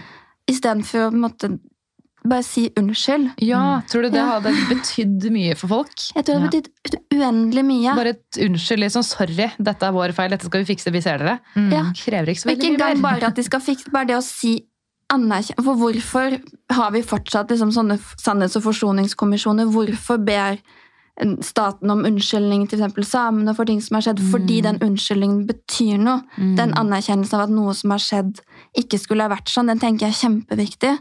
Um, og for mange av kvinnene også som annet født under pandemien, eller som har opplevd ting som ikke er bra, Mm. og ikke få den anerkjennelsen, den, Mm. det gjør at man ikke kommer seg ordentlig videre heller. Mm. Og så får man ansvaret selv, ikke sant. Ja. Vi beklager at du føler det på den måten. Men var det ikke en politiker som sa unnskyld overfor kvinner? Eller har jeg drømt? Det kan jo Jo, jeg lurer på om Bent Høie? Sa for behandling av Ja. kvinner med endometriose. Ja, der Ja. var det faktisk et Ja. unnskyld. Det er bra, Bent! Ja, det er kjempebra! Fordi jeg tenker også, som jeg sier, at det er på en måte en Ved å si unnskyld, så kommer man på en måte også tilbake liksom, på startgropen. Da er det lettere å samarbeide enn å Ja. bygge tillit. Ja, jeg tenker det, Mm. og det tenker jeg både liksom overfor individet, og også nå hvis vi skulle endre et svangerskap, fødsel og barselomsorgen, så må vi på en måte, da må vi starte med å si at det fungerer ikke bra nok sånn som vi har det nå. Mm. Men når vi har en helseminister som jo gikk ut, tenker hun har masse makt. Det hun sier, det er det jo veldig mange som tror på. Og når hun går ut og skriver at fødselsomsorgen er god, med liksom store bokstaver, Mm. da sier hun jo egentlig at det vi forteller, stemmer ikke. Eh, og vi, liksom, både som brukerorganisasjon og enkeltkvinner, har jo mye mindre makt og innflytelse enn en helseminister, så hun bruker sin posisjon egentlig på å diskreditere oss. Mm. Eh, Og det syns jeg er veldig, det er veldig problematisk. For istedenfor å tenke at nå bruker jeg min posisjon for å lytte Mm. eh, og gjøre endringer, så bruker jeg den egentlig til å få folk til å tie stille. Ja, og det funker jo ikke spesielt bra. Da blir det bare en haug med forbanna folk. Og det er jo ingen som egentlig liker sinte mennesker. Men problemet er jo også at vi fortsatt så eksisterer det veldig mye kvinneforakt. Mm. Mye mer enn jeg hadde. Jeg trodde ikke det før jeg fikk barn. Jeg var, Også liksom, fra kvinner mot andre kvinner. Det syns jeg er veldig spesielt. ja, jeg var helt sikker på at vi var likestilte, og så får jeg barn og skjønner at det er ikke sånn. Men hvorfor ellers kan man snakke om kvinner på den måten når man diskuterer fødselsomsorgen uten at noen protesterer? Mm. Fordi der ligger det masse holdninger som ikke er bra. Og det burde jo på en måte den som har ansvaret, som er helseministeren, si at også hvis en, en sånn som på den saken i Tromsø, der hvor kvinner hadde født under helt uverdige forhold, Mm. og han klinikksjefen gikk ut og på en måte forsvarte det og sa det skylder at kvinner forventer for mye, Mm. da tenker jeg at oppfør seg litt som bølla på skolegården. Og da burde kanskje helseministeren som har ansvar for helseforetakene, gått ut og si at vet du hva, dette her er ikke akseptabelt, sånn skal vi ikke ha det. Ja, for la oss snakke om det. Hva var det som skjedde på um, Universitetssykehuset Nord-Norge på UNN i sommer? Ja, avdeling Tromsø. Vi føler vi allerede har snakket om dette, for det har vi. Vi, Ja. vi mistet en halvtime av vår innspilling, så vi føler vi snart er ferdige, men vi har masse vi må ta på nytt. Så, hva var det som skjedde i Tromsø i sommer? Eh, Da var det en periode hvor det var innmari mange fødsler.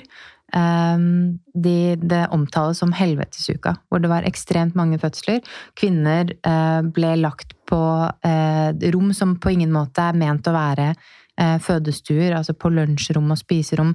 Det er en Mm. kvinne som fødte prematurt på eh, CTG-rom.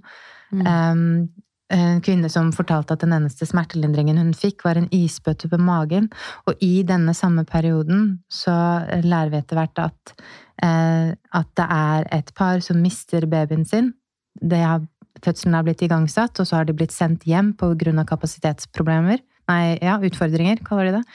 Um, og får ikke komme inn igjen av kapasitetsutfordringer eh, når de da burde. Eh, og så, når de får komme inn, så er babyen død. fy faen. Um, og i, og på en måte i kjølvannet av, alt dette her, så er det at han eh, klinikksjefen uttaler seg og sier at måte problemet er at kvinner har for høye forventninger, og i gamle dager så forventa ikke kvinner mer enn å liksom komme inn, føde og dra hjem. Eh, hjem igjen, som jo på en måte er historisk eh, ikke riktig. Liggetiden har jo aldri vært så kort som nå. Um, um, så det fikk jo masse oppmerksomhet, og såpass mye at det også ble tema på, på NRK før valget, hvor eh, Erna Solberg og Jonas Gahr Støre ble invitert på det folkemøtet som var i Tromsø, og hvor de fikk spørsmål fra, eh, fra den mammaen som mista eh, sønnen sin, og en annen eh, mor, eh, hvor de da skulle svare på tilstanden i, i fødsels- og barselomsorgen i dag. Og hvis vi skal oppsummere det de svarte da med én setning, så sier Erna Solberg at fødselsomsorgen i Norge er god, og det er veldig sjelden at barn dør. Eh, mens Jonas Gahr Støre sier eh, ikke vær redd, du skal ikke være redd. Oh, Eh, og dette er altså det, Og dette er lederne av landets største partier som på en måte ja, ja, Man kan vel ikke si at dette er å anerkjenne at vi faktisk har store problemer. Nei, og En av dem har jo også oppfordret oss til å føde flere barn. Det er jo ikke så veldig fristende, da, når det ikke er hjelp å få. Nei. Og det var jo da vi kom opp med den kampanjen som eh, het Vi forventer mer. Hashtag vi forventer mer. Mm. En egen emneknagg der på sosiale medier. For ja, det er vel innafor å forvente litt mer enn at man overlever. Ja. Forvente mer at man overlever. Forvente egentlig at liksom, kvalitetskravene blir fulgt. Ja. Eh, At retningslinjer blir fulgt på sykehuset, men også forvente mer fra, fra politikerne, ikke sant? Mm. Og ikke på en måte bare bli eh, På en måte bare avskåret med at eh, nei, men, ja, men det er egentlig bra. For noen av de argumentene han brukte, var vel det derre vi må prioritere, faktisk. Vi må ta de sykeste først, og sånn er det bare. Det må dere tåle. Ja, For, det er, for jeg tenker at en del av en måte, problemet vi er i Det handler ikke bare om ressurser, det handler om holdningene bak. Ja, styrer det som et vanlig akuttmottak, virker det som. Fordi um, her igjen da, så, så forsøker jo klinikklederen å fremstå som en sterk leder. Som sier, han sier at ja, det var lite ressurser, da måtte vi prioritere de sykeste først. Eh, og da fikk jeg måtte, veldig behov for å svare ut det for å for, forklare at det er I den veilederen vi har for fødselsomsorgen i dag, så er man helt tydelig på at alle kvinner skal prioriteres i fødsel. Det er ikke sånn at et sykehus kan sitte og veie grupper opp mot hverandre. sånn at Du fortjener litt mer fødselshjelp, og du litt mindre. Og de er helt tydelige på at i kritiske situasjoner hvor det er for ressurser, så kan man komme til å gjøre sånne prioriteringer, men det er ikke noe som skal skje. Så har det skjedd, så bør jo også klinikksjefen være tydelig på at, at sånn Jeg tenker det er noe med å si at sånn skjedde det, men sånn skal det ikke være. Og vi skal gjøre alt for at vi, dette ikke skjer igjen. man- burde gitt en unnskyldning, han. ja, og det er jo ikke sånn at, at folk plutselig føder. Du vet jo omtrent hvor mange fødsler du skal ha, og vi har jo hørt fra andre også at det har vært like ille året før om sommeren, så det betyr at her har vi en ledelse som ikke tar dette på alvor, um, og får det til å fremstå som, måte, som det er noe annet enn det det er. Og det er det jeg mener hvorfor vi ville ha den kampanjen, er med at kvinner ikke, måte la, ikke la den retorikken gå inn på dere og tenke at det er dere som er problemet. For vi, hele tiden jobber vi på en måte mot den fortellingen. Og det å tenke at liksom, Å la folk si at både at ikke det skal være jeg forventer, men at det sier vi. Vi. At det er viktig å vise at vi er et fellesskap. Og gi kvinner også den liksom, tryggheten og stoltheten og si at jeg forventer mer fordi, det, fordi jeg fortjener mer, og fordi det burde være bedre. Mm. Um, ja, for det er så, Den latterliggjøringen gjør at folk ikke tør å si fra. Ja, for det virker jo som denne klinikklederen og andre med de holdningene mener at det dere forventer, det er på en måte søt musikk, mm. røkelse, fotmassasje, at det er liksom sånn luksus spa-opphold. Det er ikke det man forventer, da har man misforstått litt. Nei, og Det jeg tenker sånn, det utgangspunktet forventer, er jo det som man skal få. Vi har jo retningslinjer, vi har veiledere som sier veldig tydelig hva svangerskap, fødsels- og barselomsorgen skal inneholde. Og det er gode grunner til det. Også fordi det er noe med at hvis du ikke gir kvinner eksempel at man skal ha én-til-én omsorg i aktiv fødsel, for det var det jo mange kvinner på, i Tromsø som ikke fikk det, det er veldig viktige medisinske grunner til det også, for det gjør at man trenger mindre intervensjoner. Det gjør at, Mm. altså, det er ikke tull, holdt jeg på å si. Um, det, det er grunner til at vi har de anbefalingene. Når det ikke det blir fulgt, så må sykehusene beklage det. Så jeg tror jeg hadde vært livredd hvis jeg hadde Ja. ligget der og føda som jordmor bare Sorry, jeg må bare løpe til neste, så ligger jeg der aleine, da. Ja, og Det er jo det kvinner har opplevd. Jeg tenker sånn, Hvordan kan du da gå ut og si, når du har hørt de historiene som er hjerteskjærende Jeg syns det er kjempevanskelig å lese. Um, og så gå ut og si at dette er kvinnenes problem.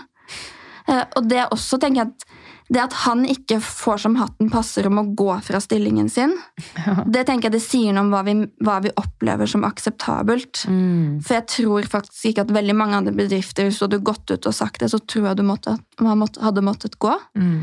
Eh, Men hva vi som samfunn fortsatt aksepterer. Det er innafor å si sånn til kvinner. Ja. Eh, Ja. Nå husker jeg ikke om det her er den delen som ble borte eller ikke, men vi snakka jo om denne miso misogoni, er det det heter? Mm. Kvinneforakt. At det, men til og med fra andre kvinner mot kvinner så kan den holdningen komme, og det syns jeg er veldig spesielt.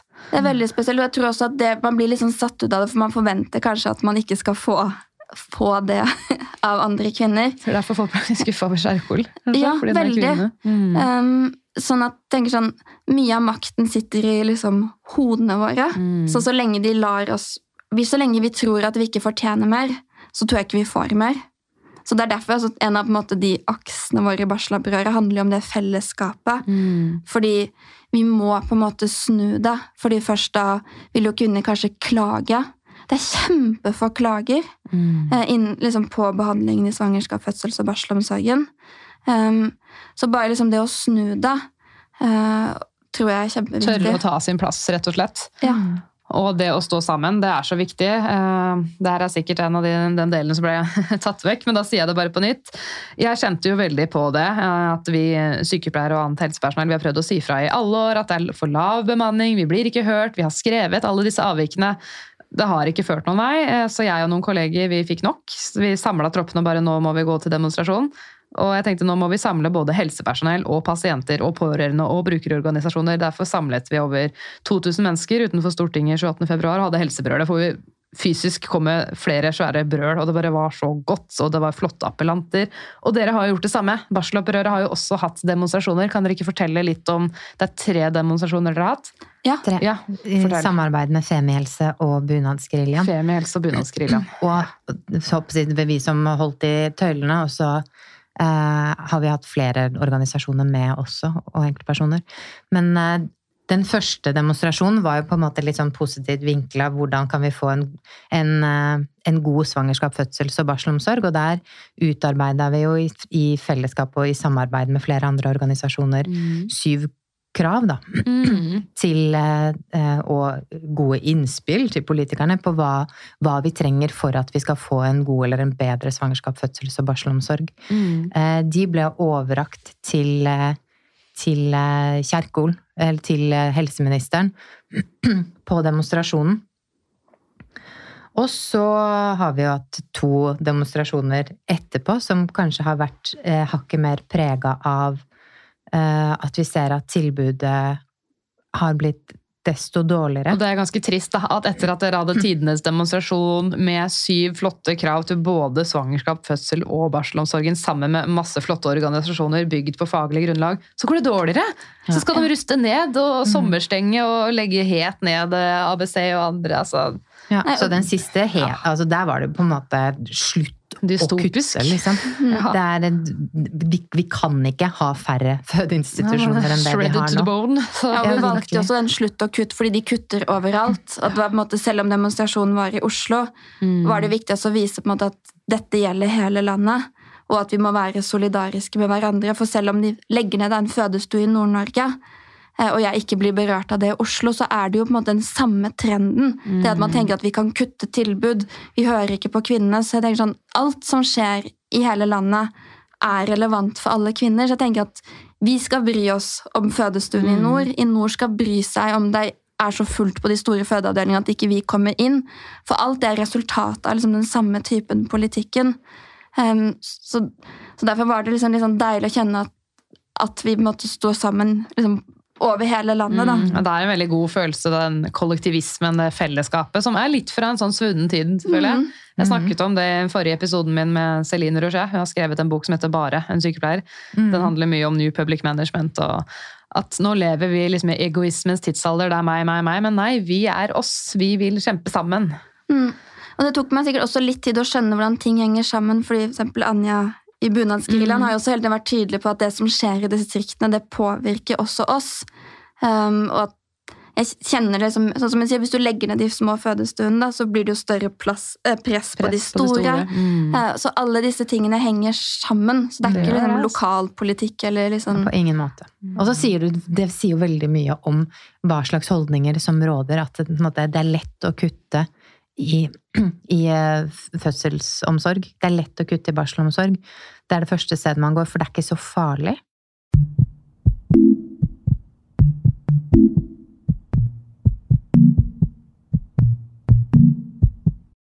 Jeg bare skjønner ikke. Det er liksom å investere godt i, i barselomsorg. Det skaper jo friske individer. Passe på at kvinnene blir tatt godt vare på, at ikke mor får psykoser eller fødselsdepresjoner. Passe på at eh, barnet får i seg melk, ikke sant? blir sunnere på sikt. Det er en skikkelig samfunnsinvestering. Eller så blir det veldig mange flere eh, tall i Nav, tror jeg. Mm. Som ikke politikerne er så glad i at folk skal gå på Nav. Nå er det jo den derre 'stå opp om morgenen'!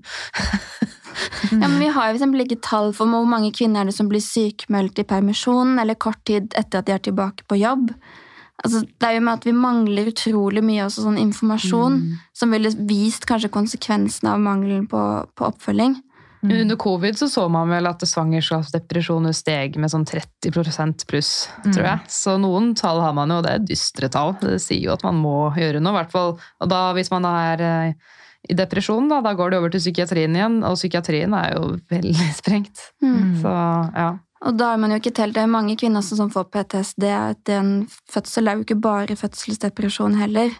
Så det er jo ganske store mørketall, tror jeg. Så kan man lure litt på hva sier ekspertene da, for hvordan det står til med svangerskap, fødsel og, og barselomsorgen i Norge. Så jeg har vært på lest på Den norske legeforening sin eh, tidsskrifte. Og da er det da en sånn eh, samlet eh, artikkel med mye god data. Så Skal jeg bare lese kort om den. Det står det er en økende erkjennelse av at ikke alle kvinner føler seg trygge og behandlet med respekt på norske fødeavdelinger. Selv om Norge har et av verdens beste helsevesen innen fødselshjelp, har vi fremdeles en lang vei å gå for at alle skal føle seg godt ivaretatt. Og da kommer de med masse tall, og de viser til dere. De nevner barselopprøret, det syns jeg er kult. Og så tenkte jeg vi bare skulle si litt om dette med Heter det obstetrisk vold? Ja, det heter obstetrisk vold. Ja, Og hva er egentlig det, og skjer det virkelig vold mot fødekvinner? Tenkte jeg bare skulle lese litt om hva de har skrevet her, og da står det Mangel på respekt og utøvelse av vold på fødestuene er et globalt problem. Hva som betraktes som respektløst og fornærmede, er avhengig av definisjonen som brukes, og kan inkludere mangelfull informasjon, som vi har snakket om. Liksom oksytocindrypp, hva er det? Utførelse av undersøkelser uten samtykke. Det kan vel f.eks. være nå skal jeg sjekke hvor mange centimeters åpning du har, og så tar man en hånd opp i, i livmorhalsen. Og så står det fysisk eller psykisk skadelig praksis som utskjelling, slag og spark. Så jeg tenker slag og spark, da begynner det å bli veldig, veldig drøyt. Så jeg håper ikke det skjer i Norge, eller noe sted for den saks skyld. Resultater fra flere studier peker mot at drivere for respektløs behandling av fødende inkluderer sosiale, politiske og økonomiske normer som tilrettelegger for dårlig behandling av kvinner. En rekke publikasjoner har vist hvor stort problemet er i lav- og mellominntektsland. Men respektløs praksis er også rapportert fra høyinntektsland som Nederland og Sverige. Og da vil jeg tro at det også kan gjelde Norge. Mm, det hadde ikke overraska. Og Nei. Australia er det kommet masse god forskning på De har gjennomført en kjempestor studie hvor de har, eh, hvor de har analysert eh, fødsels, altså erfaringer med fødsel. Mm. Bedt om fødselshistorier. Så det er kjempefint at eh, at fagpersoner tar opp denne tematikken, og også er med og liksom underbygger den historien som vi også sier, at det handler om mer enn å overleve. Omsorgsaspektet er også viktig i, det, i dette her. Um, så ja. Omsorg gir god helse, rett og slett. I det lange løp. Det er en investering. Mm. skal vi hoppe til Q&A-delen. Det er ikke så mange spørsmål, men jeg syns det er veldig viktige spørsmål. Mm. Så det er noen som spør hvilket land mener dere er best på barselomsorg? Um, det er litt vanskelig å si hvem som er best, men jeg kan i hvert fall komme med noen eksempler hvor de har god barselomsorg. Ja. Blant annet i Tyskland. Mm. For der skal man jo ha hjemmebesøk av jordmor i tolv uker. Um, og du får tilbud om gjenopptrening um, etter fødsel.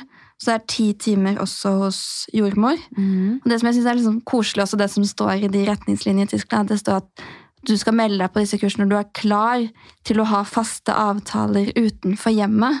Og er det- dette dekket forresten av staten? Ja, Ja. det er liksom innenfor den krankenkasse som er den grunnforsikringen man har i Mm. Tyskland.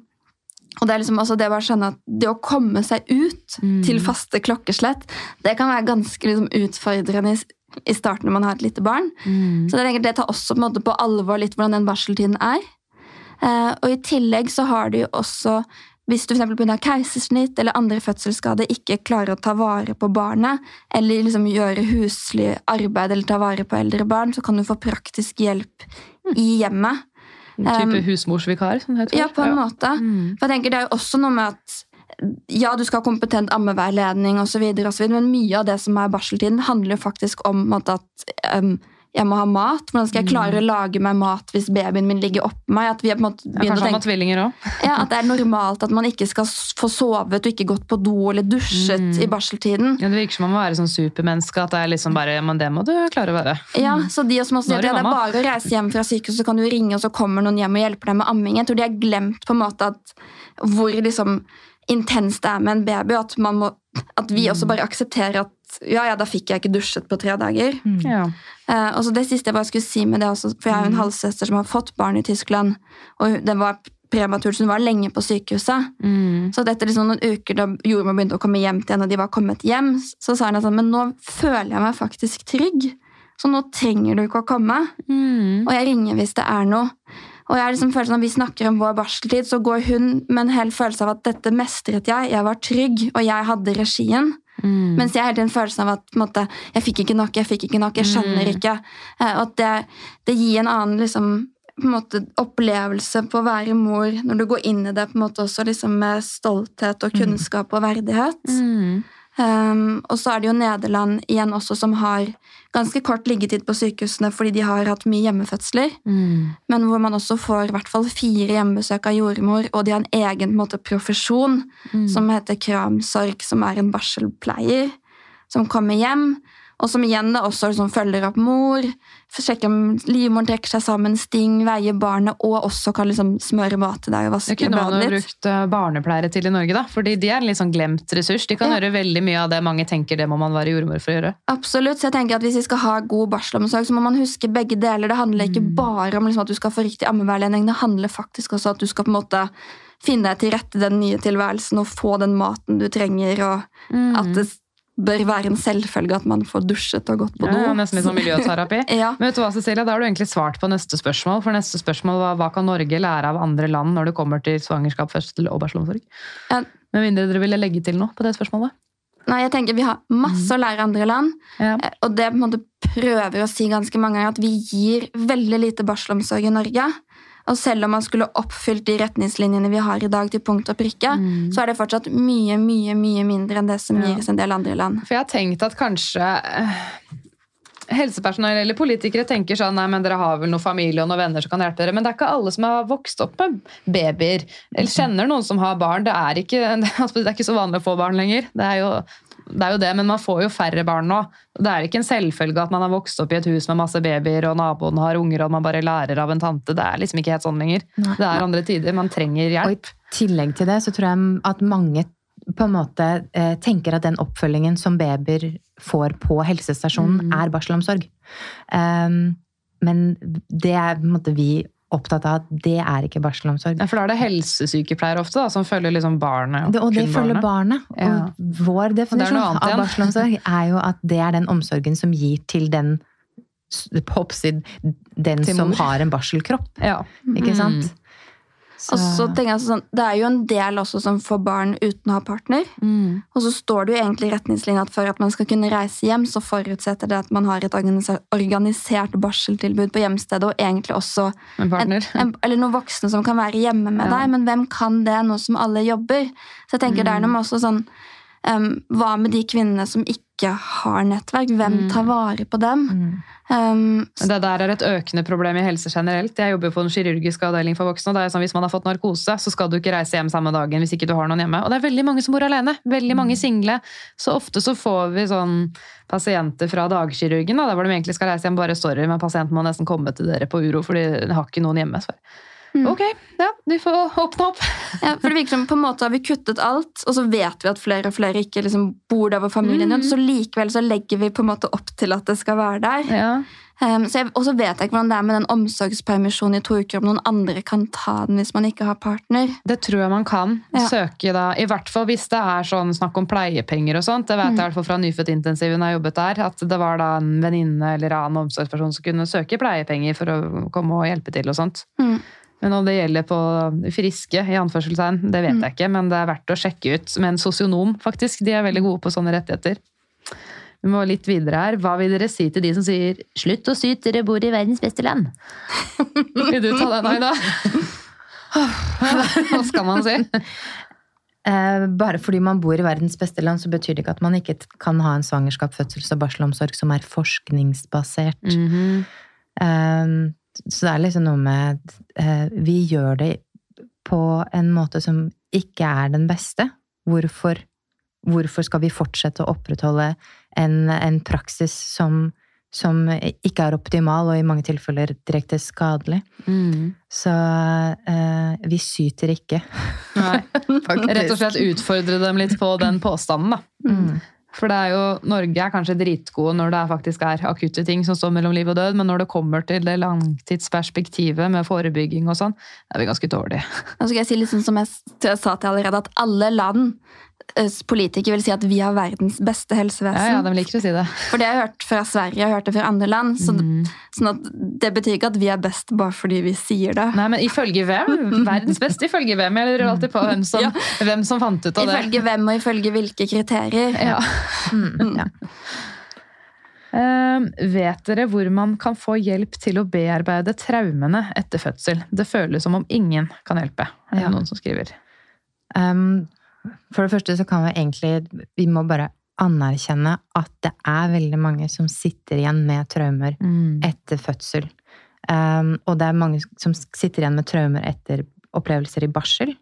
Uh, det er folk som snakker om ammetraumer. Altså, så um, uh, Jeg blir ikke overraska hvis det er eh, mange som hører på, som, som faktisk sitter og og bærer på traumer relatert til et eller annet i svangerskap, fødsels- og barselomsorgen.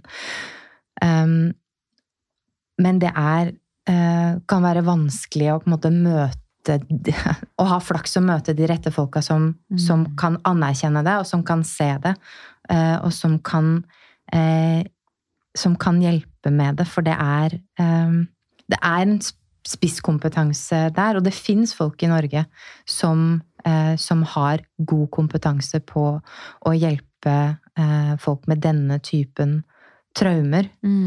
Um, Altså så folk med spisskompetanse på fødselstraumer. fødselstraumer eller relatert til svangerskap, fødsel og barseltid.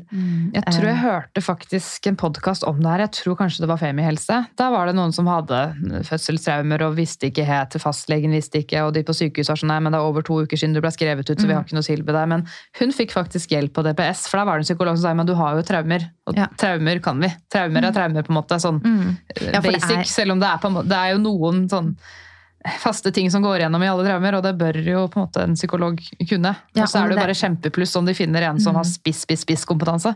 Ja, men det er, nettopp, det er litt den der å, å faktisk skjønne at det er et traume, Ja. både for sin egen del, men også altså, Man får jo den der Ja, men alt gikk jo bra, og babyen eh, Babyen lever jo, så du har jo på en måte Hvis ingen døde, var det egentlig et traume. Men det er det jo. Ja, vi det vi snakket det. litt om på en måte, hvordan skal vi svare på dette. For jeg tenkte at Da jeg leste spørsmålet, så ble jeg sånn åh, man, man får så vondt, liksom.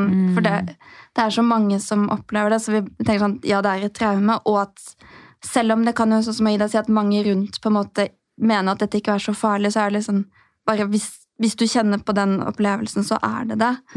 Eh, og så var det, det er jo en del også som jobber privat um, med det.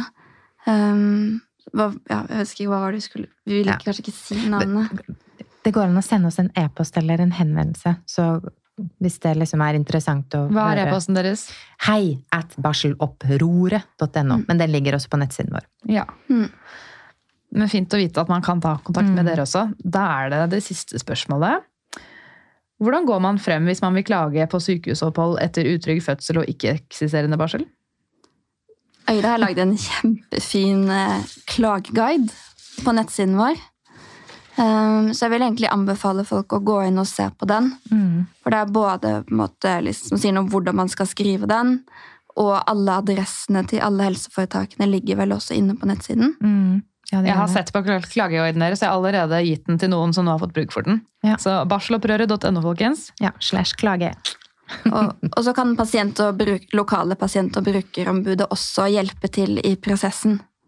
Så hvis man trenger litt støtte, eller, ja, så er det Det fins hjelp å få. Ja, absolutt. Mm. Det er bra. Helt på tampen, er det noe dere vil si til lytterne før vi avslutter?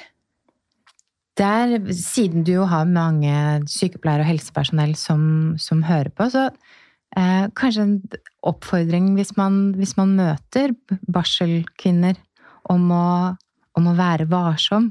Fordi at eh, ja, man er i en sånn hudløs eh, og en hudløs tilstand hvor man eh, Ting kan gå så veldig inn på deg, på, både positivt og, og negativt. Så hudløs metaforisk sett, da. Eh, ja. Ja. Ja. det er sikkert noen Ja da, det er, kan jo være litt Kanskje man er sydd, men eh, ja. Jeg satt også og tenkte litt på at hvis noen som er sykepleier har lyst til å bli jordmor og er litt i tvil, tenker jeg liksom, vi trenger også alle de som går inn i yrket nå på en måte med et blikk for hva som kan være bedre, og som tør å være tydelig.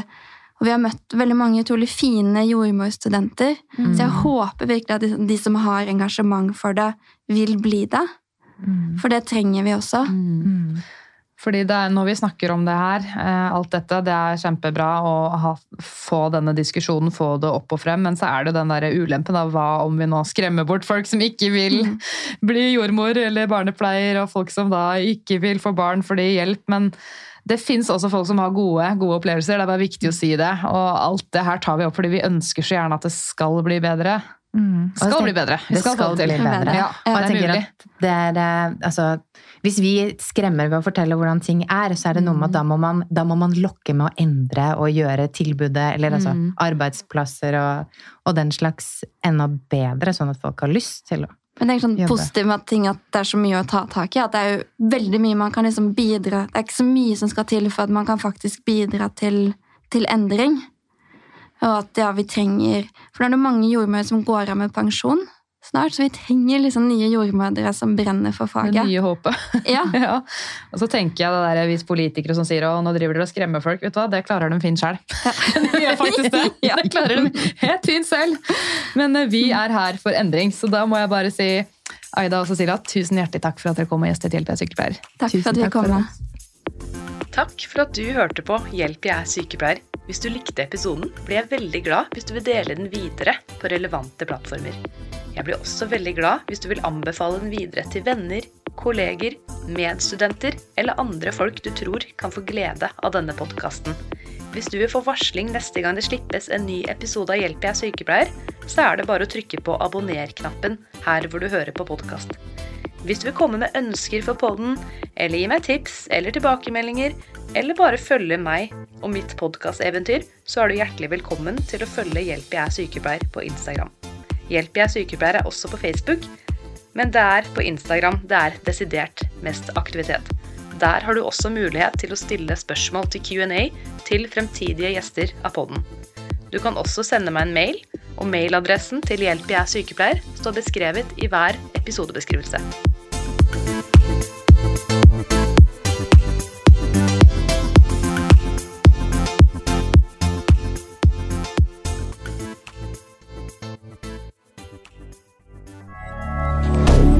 Moderne media. Har du et enkeltpersonforetak eller en liten bedrift? Da er du sikkert lei av å høre meg snakke om hvor enkelt det er med kvitteringer og bilag i fiken, så vi eh, gir oss her, vi. Fordi vi liker enkelt. Fiken superenkelt regnskap.